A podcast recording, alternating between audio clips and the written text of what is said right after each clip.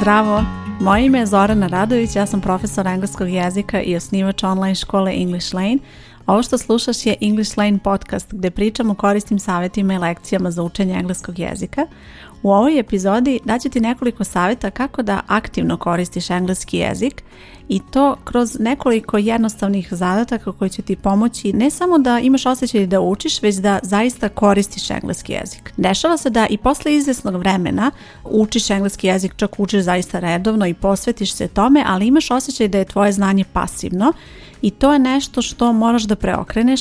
Taj osjećaj ne sme da se nastavi, znači ne smeš da i dalje imaš utisak da je to znanje pasivno, jer to je pokazatelj da ti ne koristiš engleski jezik i neophodno je da aktiviraš to znanje i da preokreneš tu situaciju. Kako da znaš da je tvoje znanje pasivno?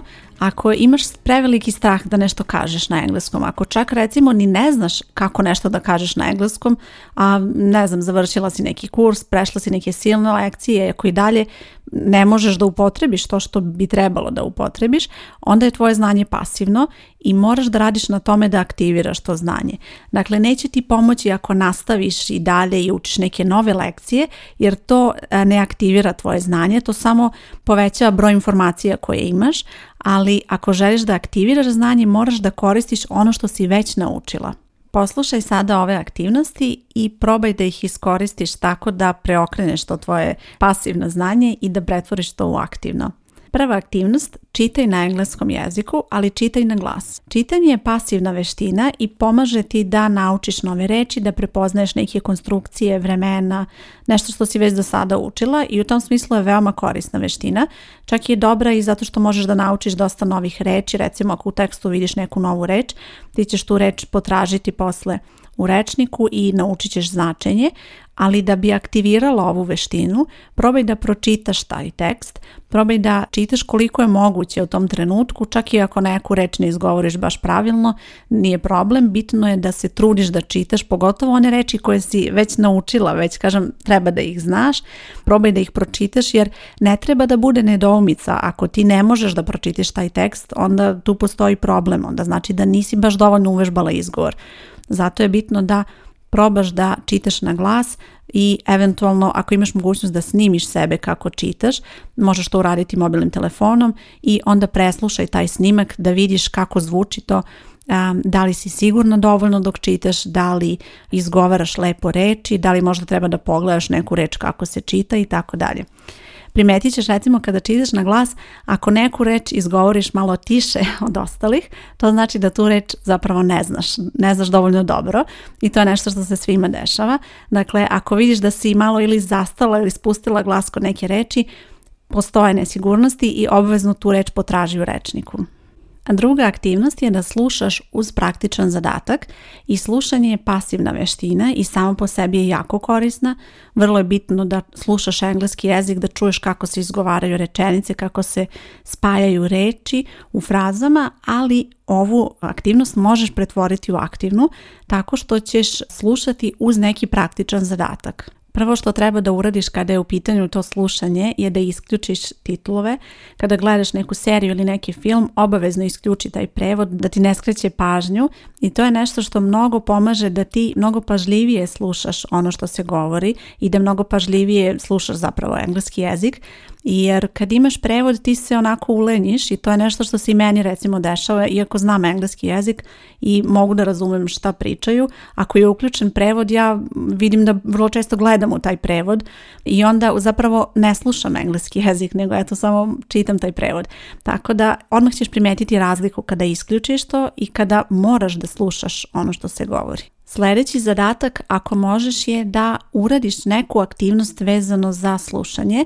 I sad zavisi šta je u pitanju, nekada ćeš možda imati recimo neko vežbanje, ako je to neka lekcija slušanja, ili recimo ako samostalno radiš ovu aktivnost, možeš da napišeš neke reči koje čuješ u toku tog filma ili serije, da napišeš rečenice koje prepoznaješ, neke konstrukcije, recimo kad čuješ neki glagol pa zapišeš pa onda analiziraš posle koje je vreme upotrebljeno i tako dalje, ali imam ja još tih predloga za slušanje i kako možeš vezbati slušanje i ostavit ću link ka jednoj posebnoj epizodi koja se bavi tom temom, da možeš dodatno da naučiš kako možeš da razvijaš slušanje i kako ti ova aktivnost može pomoći da dalje usavršavaš engleski jezik. A evo uradit ćemo jedan mali zadatak u okviru ove epizode podcasta.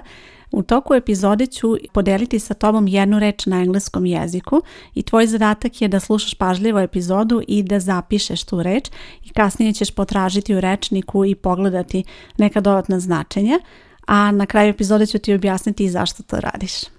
Treća aktivnost koju možeš da iskoristiš za aktivno učenje engleskog jezika su mape za učenje i tu je tvoj zadatak da napraviš mapu za učenje novih reči i to funkcioniše ovako. Imaš jednu reč, odnosno neki pojam koji je u centru te mape i koji predstavlja nešto zajedničko za te ostale reči.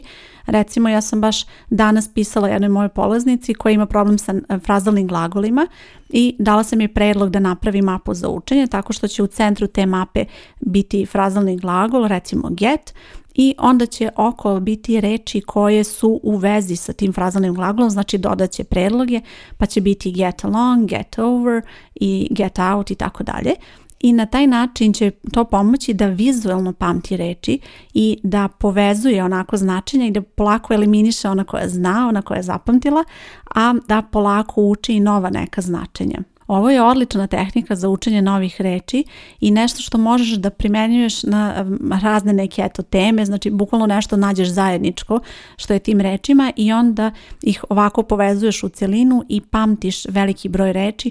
U isto vrijeme možeš da učiš recimo i sinonime, reči koje imaju isto značenje, pa onda antonime, reči koje imaju suprotno značenje i tako dalje. U jednoj od ranijih epizoda podcasta ja sam pričala detaljnije o ovoj temi i tu imam čak i nekoliko primjera mapa za učenje, kako to izgleda i kako i ti to da uradiš, pa ću ostaviti link tako da možeš da pogledaš, možeš da preuzmeš te gotove obrazce ili jednostavno možeš napraviti po uzoru na to, napraviti neki svoj obrazac mape za učenje.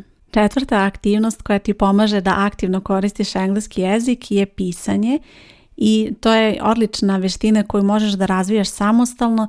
Dakle, nije ti potrebno da imaš nekoga za konverzaciju, jer kada je u pitanju pisanje, to možeš samostalno da uradiš, a sve što je potrebno je samo da smisliš o čemu to želiš da pišeš na engleskom i da daš sve od sebe da upotrebiš sve ono što si učila u tom trenutku i savjetujem ti da bez obzira na kom si nivou sada nemoj čekati da stigneš do nekog nivoa da bi krenula sa pisanjem kreni sa pisanjem odmah i kreni na taj način što ćeš napisati rečenice koje ti možeš u tom trenutku i to je sasvim dovoljno. Bitno je da ti na taj način aktiviraš svoje znanje, to jest da drugim rečima da koristiš sve ono što si naučila do tada i da onda to upotrebiš da kažeš nešto u pisanoj konverzaciji na, možeš da pišeš na neku temu, možeš da odgovaraš na pitanja neka, ako nađeš neka pitanja recimo za konverzaciju, možeš da odgovoriš na ta pitanja u pisanom obliku. To su sve neke ideje kako možeš i šta da pišeš na engleskom i tu ti ne treba nikakva posebna pomoć, dovoljno da imaš eto neku svesku, pa čak i neki papir. Možda nije loše samo da sačuvaš to što si pisala, da možeš da pratiš kako se to pisanje menja, jer ako budeš radila tu aktivnost e, recimo nekoliko nedelja, ne mora čak ni svaki dan, ali recimo svaki drugi, treći dan, vidjet ćeš već posle nekoliko nedelja kako su te rečenice bolje, kako su složenije i kako e, više reči novih koju učiš koristiš u tim rečenicama i samim tim engleski jezik koji koristiš u tim rečenicama je bolji. A sada da pomenem onu reč koju sam rekla da ću pomenuti. Reč je information. Potraži tu reč u rečniku i pogledaj značenje. Ja sam sigurna da već znaš šta znači. Ta reč znaš da je prevedeš, ali pogledaj u jednojezičnom rečniku. Ja ću ovdje u okviru ove stranice ostaviti primjer nekog rečnika. Možda izabereš i neki svoj ako već koristiš i probaj da pronađeš izraze u kojima se koristi ta reč. Dakle, recimo, koji glagol se koristi ispred te reči? Da li, šta možeš reći? Recimo, neki primjeri su give information, share information i tako dalje. Pa onda recimo koji pridev može da se koristi ispred te reči? Kakva može da bude ta reč? Recimo, može da bude personal information, može da bude relevant information i tako dalje. Znači, pojenta je da nađeš nekoliko izraza u kojima se koristi ta reč i da detaljnije pogledaš tu reč u rečniku. A ovo reč možeš iskoristiti i da napraviš mapu tako što će u centru biti information, ta reč i onda ćeš dalje dodati okolo fraze u kojima se ta reč koristi. I sada još da otkrim zašto sam uopšte pomenula ovu reč i iskoristila kao neki bonus zadatak u okviru epizode. U trenutku kada sam ranije pomenula da ću ja reći tu reč, ja verujem da od tog trenutka si počela mnogo pažljivije da slušaš ovaj podcast, tražeći tu reč i obraćajući pažnju kad ću ja to da izgovorim i to je ono što pretvara slušanje u aktivnu veštinu kada slušaš sa nekim konkretnim ciljem, kada imaš neki zadatak, to slušanje je mnogo aktivnije, ti mnogo pažljivije slušaš i onda je samim tim bolji rezultat na tvoje učenje. I sljedeća peta aktivnost koja utiče na to da aktivno koristiš engleski jezik je pričanje na engleskom i to je neophodan deo učenja. Znam da možda u nekom trenutku misliš da ne znaš dovoljno ili da nemaš sigurnosti da pričaš na engleskom, ali je vrlo bitno da probaš i opet od početka kad god naučiš nekoliko novih reći, kad god naučiš nešto novo, probaj da to izgovoriš i da upotrebiš u konverzaciji jer to je najbolji način da to zaista naučiš dugoročno i znam da ćeš verovatno u nekom trenutku osjećati strah i da će te možda čak i biti blam onako da pričaš pred nekim, ali probaj da prevaziđeš te strahove jer niko se ne bavi time da sad nešto um, previše analizira kako si ti nešto rekla, da li je baš svaka reč tačno izgovorena, da li si pravilno upotrebila predlog ili tako nešto.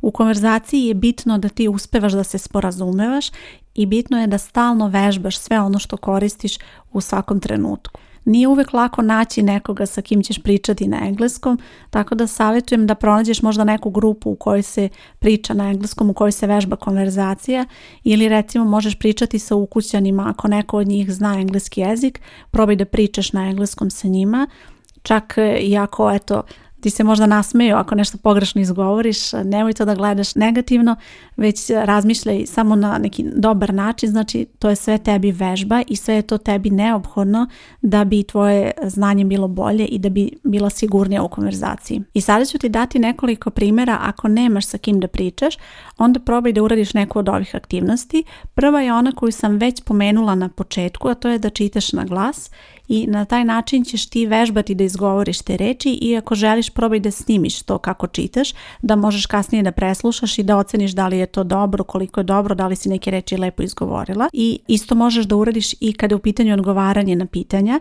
ne moraš da pišeš odgovore, nego možeš da izgovoriš te odgovore i onda da snimiš sebe kako to izgovaraš. I treća aktivnost je da koristiš na telefonu aplikaciju asistent koja može da ti pomogne da e, onako malo komunicira sa tobom.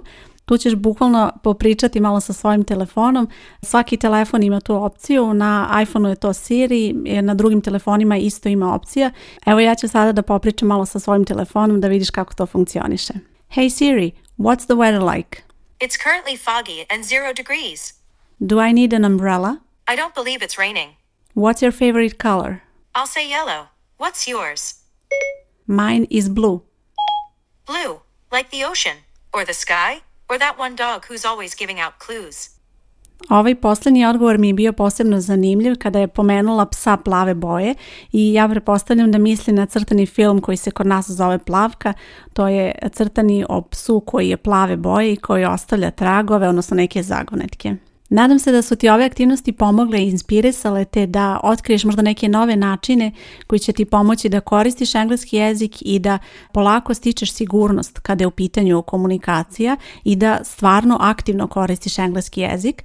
Kada su u pitanju moje polaznice, ja im pomažem tako što im omogućavam te neke dodatne aktivnosti koje oni mogu raditi uz kurs koji pohađaju, to su grupni online časovi konverzacije i radionice gdje polaznice dobijaju priliku da pričaju na engleskom, da odgovaraju na pitanja, da opisuju sliku i da na taj način aktivno koriste engleski jezik. Ako želiš da postaneš član škole i kreneš sa učenjem engleskog na ovaj način, predlažem da pogledaš više na ovoj stranici gdje slušaš podcast, bit će link, ili potraži English Lane online škola i tu ćeš vidjeti sve informacije. Hvala ti što slušaš podcast, ja sam Zorana Radović i čujemo se uskoro. Ćao!